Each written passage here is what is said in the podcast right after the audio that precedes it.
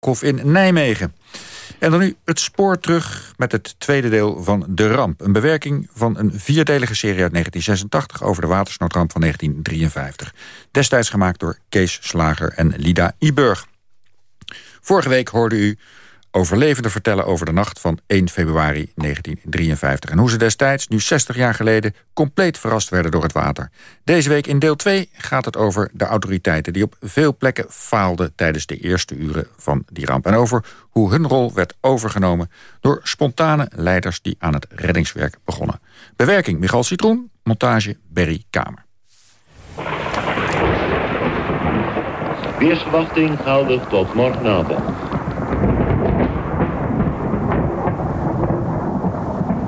Gedurende de nacht vooral in de kustprovincies tijdelijk zware storm. Overigens stormachtige tot krachtige wind, ruimend van west naar noordwest tot noord. Guur weer met wisselende bewolking en nu en dan regen, hagel of sneeuwbuien.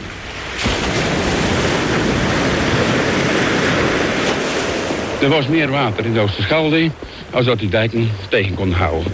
Maar het is niet zo dat de dijken te zwak waren. Op Schouwen-Duiveland laat Wim Bolijn een overgebleven stukje van de oorspronkelijke dijk van 1953 zien. Maar dit is die oude zeedijk. Dit was de binnenkant van de dijk. Er liep zelf nog een weg daar zo. Maar doordat het water eroverheen ging lopen... is het water aan de binnenkant is die dijk aangetost.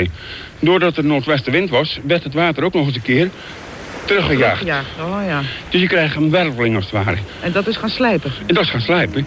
Net zolang tot het zo dun werd, dat het dus gewoon zit zo naar beneden ging schuiven.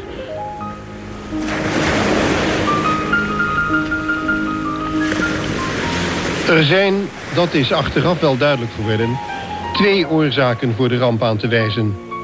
De dijken waren te laag en te steil. Dat is eigenlijk een van de grootste oorzaken geweest dat wij droog zijn gebleven in 1953. Omdat in die, die 1911, toen kwam het water zo hoog dat Brunesse bijna is ingelopen. Al jaren voor de ramp was er gewaarschuwd dat de dijken te laag en te steil waren. Maar er werd niets verbeterd. Want dijkverhogingen kosten geld. En als je een dijk aan de achterkant een flauwere helling wilt geven... kost dat behalve geld ook nog dure landbouwgrond. Daar voelden de boeren natuurlijk niets voor. En zij beslisten want zij vormden het bestuur van de polders en zij moesten voor de kosten opdraaien. Bericht van de wind- en stormwaarschuwingsdienst voor de scheepvaart. Vanmiddag om 5 uur werden de geldende waarschuwingen vervangen door waarschuwingen voor zware storm tussen west en noordwest. Dit weerbericht werd op zaterdagavond 31 januari 1953 een uur voor de ramp uitgezonden. De autoriteiten waren dus gewaarschuwd. Toch lijkt iedereen totaal te zijn verrast door de stormvloed. In het verslag Zierikzee Rampstad 1953 is te lezen wat de in Zierikzee wonende vijf functionarissen van de Rijks- en Provinciale Waterstaat deden tijdens de rampnacht. Ingenieur C. Koning had toen hij tegen 1 uur die nacht thuis kwam gezien dat het water al tegen de vloedplanken op de haven stond. Toch ging hij naar bed en werd pas na half drie wakker van het geloei van de sirenes. Op diverse plaatsen waren de vloedplanken toen al gebroken... en het water kolkte door de straten van de stad. Hoewel hij zelf geen water in huis kreeg, bleef hij rustig binnenzitten... voerde die nacht twee telefoontjes met mannen van de waterschappen... en besloot pas om negen uur s morgens eens naar buiten te gaan. Samen met enkele opzichters van Provinciale Waterstaat... begon hij per auto een inspectietocht over het eiland. Maar na twee uur zagen ze het nutteloos ervan in. Overal reden ze vast in het water. Ze keerden terug naar de stad, liepen naar het stadhuis... waar ze met enkele gemeentelijke autoriteiten spraken. Het verslag meldt dan... Om elf uur zijn ze naar huis gegaan... zonder veel positiefs te hebben kunnen doen. Pas op maandag belegden de waterstaatsmensen in Zierikzee... een eerste werkvergadering. Opzichter Overbeke was die nacht ook laat thuis... want hij was naar een verjaarspartijtje geweest. Hij liep nog even langs de haven, zag dat het water al tegen de vloedplanken stond... maar dook toch in bed. Ook hij werd door de sirene gewekt. Hij bleef die hele nacht op de bovenverdieping van zijn huis... en toen het water de volgende morgen gezakt was... begon hij eerst zijn boekenbezit in veiligheid te brengen. Daarna volgde de inspectietocht en de nutteloze bijeenkomst op het stadhuis.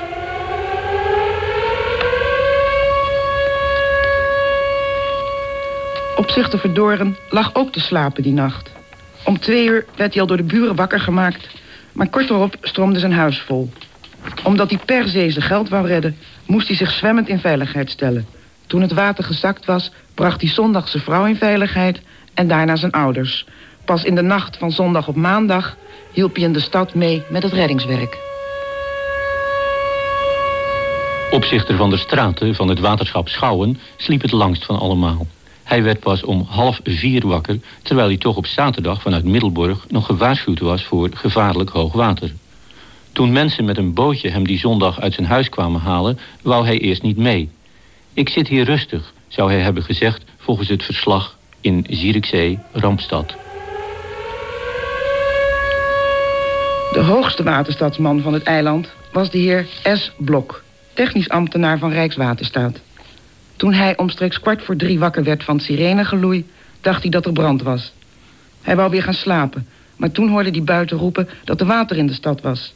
Hij kwam uit bed, probeerde met een auto bij de Nieuwe Haven te komen... maar dat was al niet meer mogelijk. Dus ging hij maar naar huis terug. De volgende morgen deed hij mee met de vergeefse poging... om per auto een inspectietocht over het eiland te maken... Ook de heer Blok begint pas maandag 2 februari via een werkvergadering met de andere vier aan iets gecoördineerds te werken.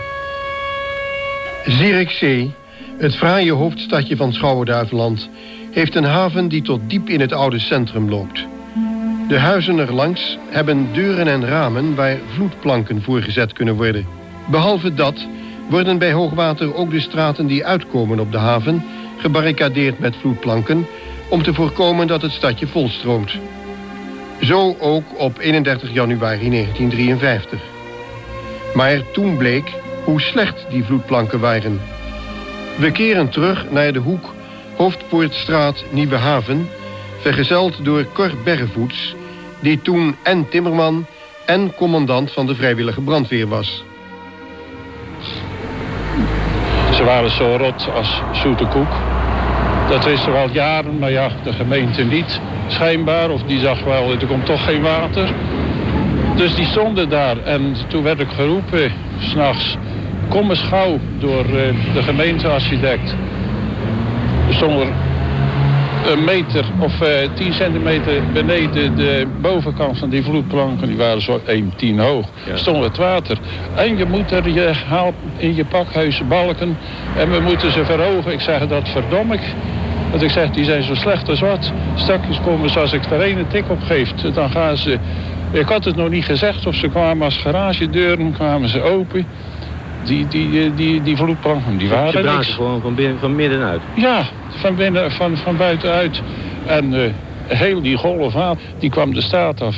Namen ons mee natuurlijk. Ik kon nog net in huis komen. En uh, ja, toen, toen had je de chaos. Die uh, burgemeester en de politie en Argelo van de gemeentewerken, die zijn hierin gevlucht. Hier aan de overkant, ja. dat was een hotel, hè? Dat was een hotel, maar dat was helemaal verwoest morgen. Ja. Die zijn daar ingevlucht en daarin blijven zitten? Ja, die zijn erin blijven zitten, want ze konden niet meer weg. En wij konden ook niet meer weg voor de andere morgen. Nee. Uh, zes, zeven uur dat we... En toen keek ik buiten mijn raam. Nou, dat was gewoon een gracht. Een kanaal van een paar meter uh, diep. Zo was het erdoor geschuurd? Ja, van, er stond hier vrachtwagens natuurlijk, uh, zaterdagavond. En ja, die kwamen net als de speelgoedautootjes kwamen die, die straat ingedonderd als het ware. En uh, biljart hier uit dat, uit dat restaurant. Oh, oh, oh. Ik zeg, nou jongens, ik zie ervan dat dat gewoon een, een, een massagraf wordt, Zierikzee. Want Zierikzee ligt in een put ook. Dus ja. Cor Berrevoets is al eerder die nacht, na het blussen van een brandje, aan de haven geweest. Wanneer hij dan ziet hoe gevaarlijk hoog het water staat, waarschuwt hij de politie. Zijn alarm wordt afgewimpeld met het aloude gezegde... Oh, hopen dat geeft niks, want hoe minder het water wegloopt, hoe minder water of er komt. Dat was een gezegde in die tijd, hè? Ja, dat was een gezegde. Het is wel uitgekomen. Maar over de autoriteiten Zierikzee heeft u dus niet zo'n hoge pet op dan? Nou, in dit geval zeker niet. Voor hij zijn kritiek op de autoriteiten spuit... vertelt Cor Berrevoets eerst hoe trots hij is op zijn mannen van de vrijwillige brandweer. Want hoewel de meesten van hen een huis vol water hadden... waren ze de volgende morgen allemaal present. Om acht uur s morgens waren ze allemaal zonder te zeggen of zingen... kwamen ze naar de garage. Wat moeten we doen? We zijn begonnen. Stadhuis was er toch niet, dus daar dacht je niet om. Hoe is dat huis was er toch niet? Eh, de gemeente de, tr- trokken ons eigenlijk niks van aan. De eerste- We gingen de mensen van, eh, van de daken plukken, van de zolders, oude mensen hier in die buurten en zo. Die en op het droge brengen. Dan ga je op een gegeven moment ga je naar het stadhuis. Maar ja, die, die gemeentearchitect Argelo, nou die was ook helemaal van de kaart. Dan zie je de kwaliteit van leiding hè, op zo'n moment burgemeester die was er, dus een, een beste vent was dat. Maar ja, die was ook al een beetje op leeftijd. Je had Die- ook een soort shock opgelopen, geloof ik. ja, dat, daar kan je niks van zeggen. Maar eh, de rest, nou, dat was dan toch wel een beetje misselijk vertoon. Dat ze als een, een kat in een vreemd pad- pakhuis liepen, ze wisten het niet meer. Hè. Ze waren machteloos, hè. ze zagen niks meer. De politieadjudant ook. Die was schijnbaar nat geweest, dus die zat een twee dagen achter elkaar. Zat hij met tussen zijn benen een petroliekacheltje. Die man, zijn politiemensen, zijn, zijn ondergeschikten, zijn agenten, die deed het. Maar die man die zat zelf... Die, normaal een beste vent, kon alles. Maar daar zat hij en dan, houden wij de gek erbij weten. Dan vroegen we elke keer als we langskwamen... zijn de aardappels aan gaar, adjudant?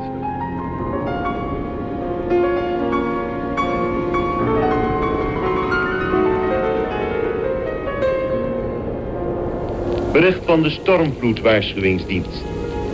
Boven het noordelijke en westelijke deel van de Noordzee woedt een zware storm tussen noordwest en noord.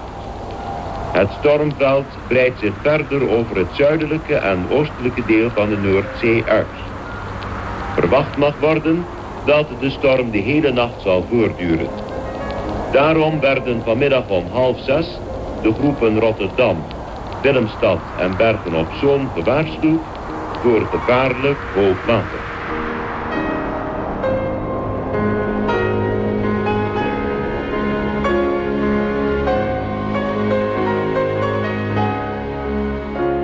In Kortgene wordt die zaterdagavond in de Korenbeurs de inwijding van het nieuwe gemeentehuis gevierd. Alle notabelen van de stad zijn daarbij aanwezig.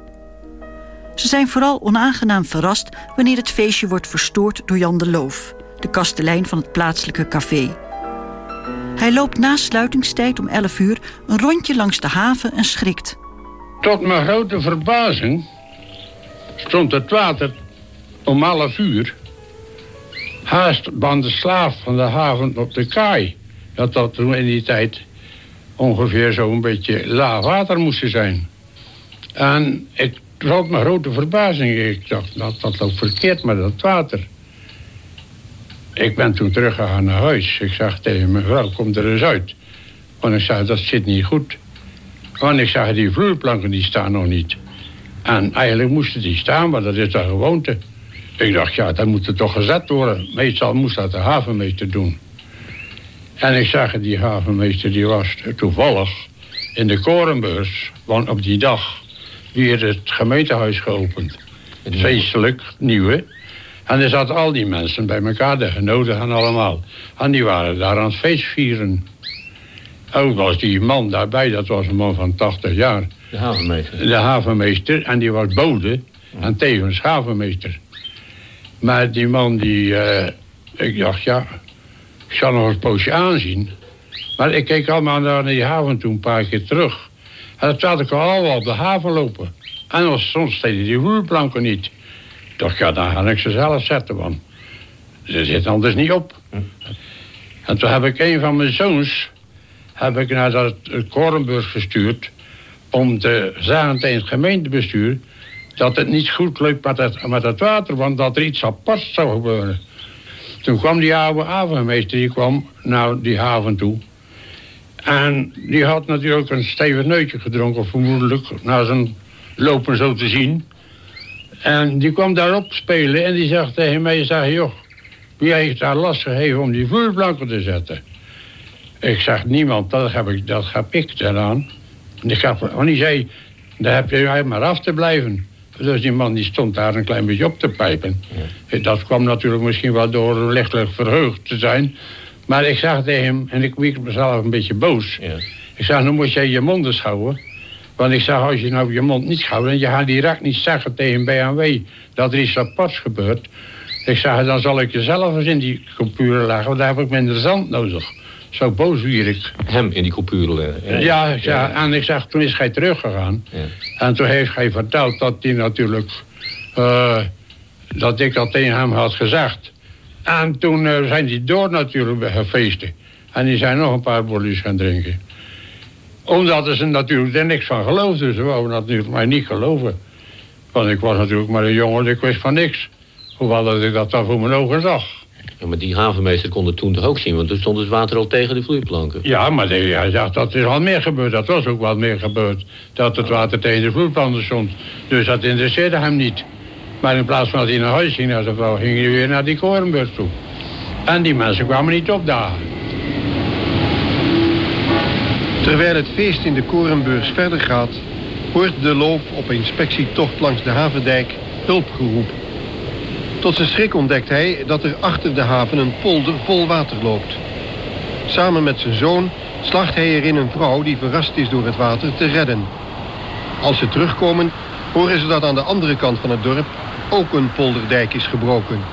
En er waren al die huisjes in die polder, er waren allemaal, er kwam een, een, stroom van water door die polder heen van anderhalve meter dik. En er zijn al die huisjes in elkaar geduwd. En er zijn allemaal die mensen, toen hebben ze al die mensen die erbij konden, die hebben ze allemaal daaruit gehaald. Zelf mijn oude vader en mijn moeder, die waren in de 80, die waren door het dakraam op het dak gekropen. En die waren tegen de dijk gewaaid door de harde storm. En die hebben toen uh, die jongens van mij gered en die hebben ze ook bij mij gebracht. En verschillende andere mensen die erbij konden. Mm. Zodoende had ik, uh, en dat water bleef maar stijgen. Ook toen uit die polder mm. kwam dat water bij ons langs de Raad van Buurt ook. Toen konden die jongens niet meer door de harde stromen. Konden ze niet meer. Maar toen had ik er 53 bij me binnen. Toen kwam dat water in Kortgene vloeien. En toen kwam dat water in de Kaarstraat, dat, de Korenbeurs. En toen zijn ze allemaal moeten vluchten naar de molen toe. Toen waren ze nog aan het feesten? Toen waren ze aan het feesten, dus iedereen is naar huis willen lopen. Maar toen kwam zo'n stroming door dat dorp... Ja. dat de ene bij de andere op zolder moest kruipen... als de haast niet thuis konden.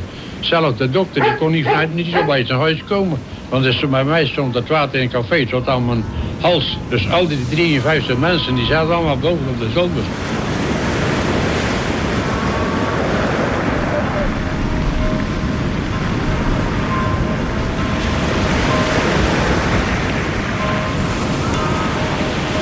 Ik heb begrepen dat, u, dat er ook een heleboel mensen verdronken zijn toch in het dorp. Er waren hoeveel? Er zijn 43 mensen in totaal verdronken. Er zijn, de meeste zijn in, natuurlijk in die polder verdronken, dat de huizen in elkaar zijn gevallen. En uh, er zijn er een stuk of vier, vijf in het dorp zelf verdronken. Die in die badsteen liggen, nou waren van die oude badsteen nog. En die oudere mensen, mm. daar is ook die havenmeester met zijn vrouw bij en zo. Is die havenmeester ook verdronken? Ja, die havenmeester en zijn vrouw is verdronken en dan nog een paar andere mensen. Maar de rest dat is allemaal in de Torendijk verdronken. Er zijn dan ongeveer zo'n ja, 43 in totaal dan. Als het die zondagmorgen licht wordt, rijdt de loof met een vrachtautootje over de dijken naar het naburige Wisse Kerken. Hij vult er een tank vol drinkwater en vraagt de bakkers om voor één keer op zondag te bakken voor de mensen van Kortgene. Verder stuurt hij de dokter en autobezitters naar zijn dorp. En dat is nodig, want intussen zijn er nog honderden van zolders en daken gehaald... door de mensen die bij hem in het café zaten. Tientallen worden geëvacueerd. Maar als laat in de middag de vloed weer komt en men niet meer durft te rijden... zitten er nog zo'n honderd mensen bij hem in huis. De volgende dag pakt de loof de telefoon, die het zo weinig doet, en vraagt om eten en kleding. Een paar uur later loopt hij zwaaiend met een vlag over de zeedijk, zodat het vliegtuig zijn spullen op de goede plaats kan droppen. Die goederen worden in de gelagkamer opgeslagen. Dus toen had ik uh, drie meisjes waren toen met mij hulpzaam. En die hebben toen helemaal geholpen met mijn vrouw. En die twee meisjes had ik zelf gehad. Met de zessen had ik elke dag zo'n honderd man te eten. Van die dropping, van die vliegtuigen en zo. Maar als ik u zo hoor, als ik dat allemaal zijn verhaal hoor... dan denk ik, hij speelde zo'n beetje de burgemeester van het dorp eigenlijk. Ja, dat kan ik wel eigenlijk wel een beetje zeggen. Want ja, het was eigenlijk in mijn, laat mij in mijn handen. Het hele boeltje is toen uh, naar Koningsplaats verhuisd, dat gemeentebestuur. Dus die kwamen wel kijken bij op de dag, hoe de zaak erbij stond. Ja. Maar die, de zitting die hadden ze op Koningsplaats. Na een paar dagen volgt de aanvaring tussen de loof en de officiële autoriteiten. De intussen teruggekeerde eigenaar van de korenbeurs beschuldigt hem ervan dat hij goederen van de dropping voor zichzelf heeft achtergehouden. Woedend eist hij van het gemeentebestuur om alles wat er nog in zijn café is, wat laarzen en lege zakken, onmiddellijk op te komen halen. Zo niet, dan zal hij het op straat gooien. En ook eist hij dat de politie al zijn kasten doorzoekt of hij nog iets heeft achtergehouden. En zo gebeurt het inderdaad. Het is het einde van de loof als spontaan leider.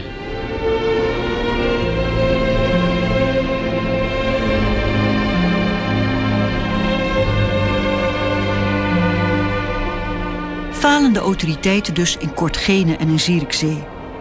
Maar ook in Oosterland en Halsteren liggen de dijkgraven te slapen wanneer de dijken breken. En wat te denken van Kruiningen, Onderzoek van socioloog Elmers laat zien dat van de 36 autoriteitsdragers er slechts drie actief betrokken zijn geweest bij het reddingswerk. De rest zit thuis bij vrouw en kinderen en doet verder niets. Toen zei hij tegen me, zei, je bent gek. Ja, ik zei, dan maar ik weet, ik zei, dat stap voor in. Maar allemaal niet gedaan aan, nee. Mosselvisser Jaap van Oost ontdekt in de nacht van de stormvloed... dat niemand eraan gedacht heeft de vloedplanken te plaatsen in de haven van Ierseke. Dan staat het water al op de kade en dus besluiten hij en wat maten het hok waar de vloedplanken in liggen open te breken. Nou, is het, en dan heel koning was ook nog. U vertelt, uh, wij hebben zand erin gedaan, die zandzakken, die vloedplanken. Wie is wij? Hoeveel man was dat? Ja, hier zo Duinkerken, Verschuren. Ja, ik kan het precies allemaal. Ja, maar man of vijf, zes. Man of vijf, zes? Ja, ja. ja. En dat waren allemaal vissers? Ja, nee, allemaal precies geen weg. Nee. allemaal uit de buurt ook. Uit de buurt? Ja, maar wij zaten natuurlijk in Poldertje. Dus ja, ja. het gaat echt nee. Maar dat ging niet uit van het polderbestuur of van de gemeente? Niks, niks van. Dat nemen al, al weg. Eigen initiatief? Ja. Niet de autoriteiten, maar een groep initiatiefrijke mannen... nemen niet alleen in Ierseke, maar ook op vele andere plekken het heft in handen. Wim Bolijn weet nog goed hoe dat destijds ging in Ouwerkerk zulke dorpjes waren kleine gemeenschappen. En dan komt het pas uit wie of de werkelijke leider is. Dat heb je in een kudde zo, met dieren, maar dat heb je dus ook op. Ik bedoel maar, kijk, vroeger was het zo: een burgemeester werd aangesteld na zijn bezitten van zijn geld. Niet als leiderschap. Ik bedoel, maar je haalt de mensen er pas uit die leiding kunnen geven, die overwicht hebben op, op, op iemand. Dat dus een massa mee moet lopen die kant op. Dat is hier algemeen wel bekend wie of er hier de leider was... en wie of er op Nieuwkerk de leider was... en wie of er op andere plaatsen... Ja, was er een oude kerk de leider?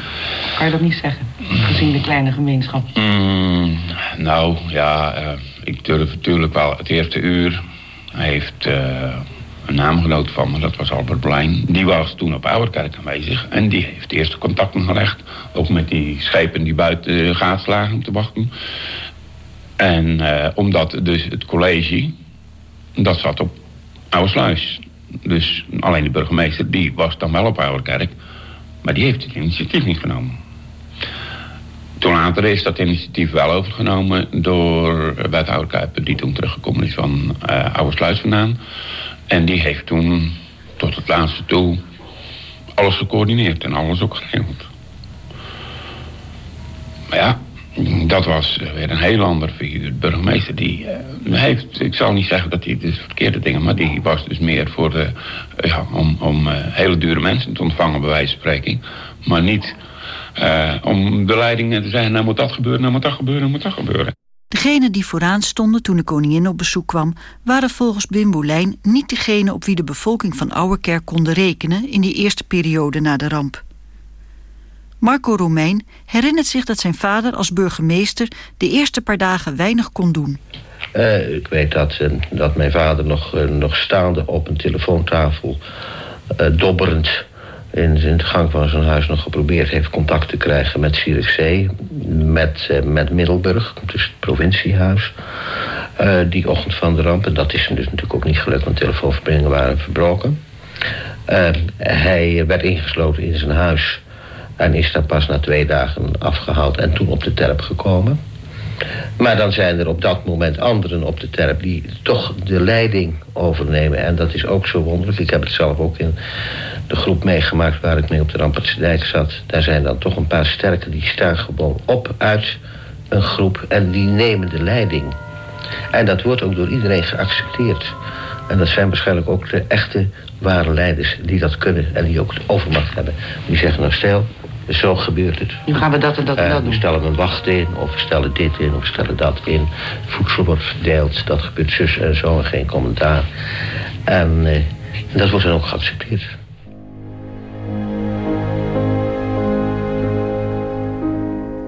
Rampendeskundige Uri Rosenthal herkent een patroon in de rol van de autoriteiten versus de natuurlijke leiders in de rampen die hij onderzocht en dus ook de watersnood van 1953. Er zijn er vele geweest, burgemeesters, politiemensen, brandweermensen, enzovoort, enzovoort, enzovoort, waterschapsfunctionarissen, uh, die uh, toen die ramp kwam eerst eens gingen kijken hoe het uh, met de eigen situatie en die van vrouwen en kinderen gesteld was. Nou, daar, is veel, daar kun je nog veel verontwaardiging over hebben. Maar we weten dat dat bij elke ramp gewoon te verwachten is en het normale patroon is. Die, uh, ja, en dan de burgemeesters met name. Kijk, daar zijn wel een aantal, uh, wat ik ook uh, noem, dan van die opvallende staaltjes van plichtverzuim geweest. Ja, ja. Inderdaad, burgemeesters en ook autoriteiten in het algemeen die bij de waarschuwing voorop gingen in het zoeken van een veilige plaats. Ja. Dat is gewoon gebeurd. He, en dat heeft... Maar dat is, dat is toch te gek dat dat gebeurt. Ik bedoel, ik kan wel dat zeggen, is, het is begrijpelijk en het is... gebeurt altijd. Maar tegelijkertijd zeg ik van, dan, ja, daar moeten ze dan ook maar op getraind worden.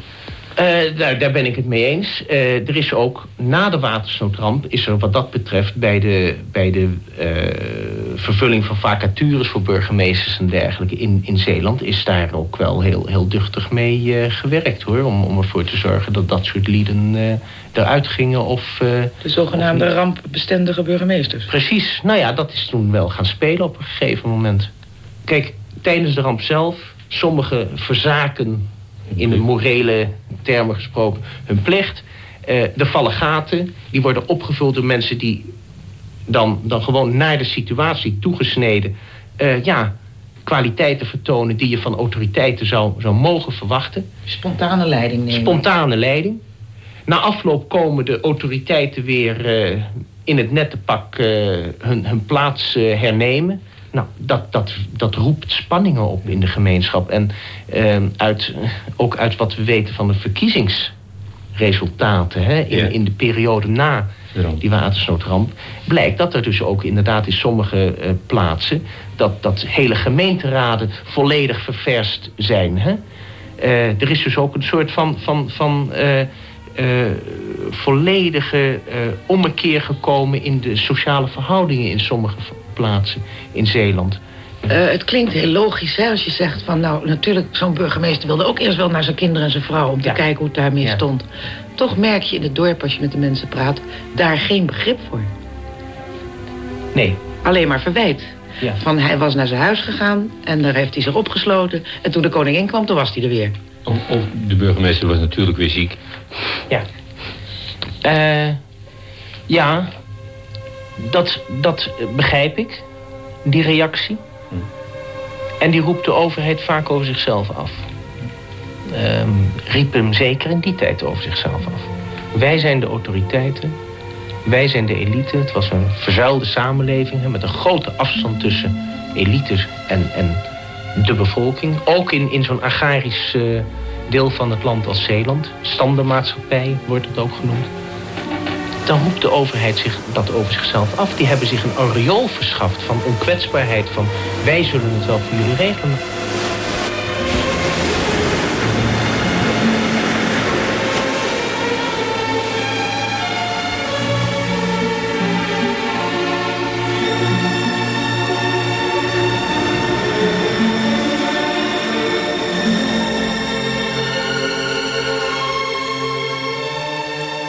Was deel 2 van De Ramp. Volgende week in deel 3 staan de vissers centraal... die met hun schepen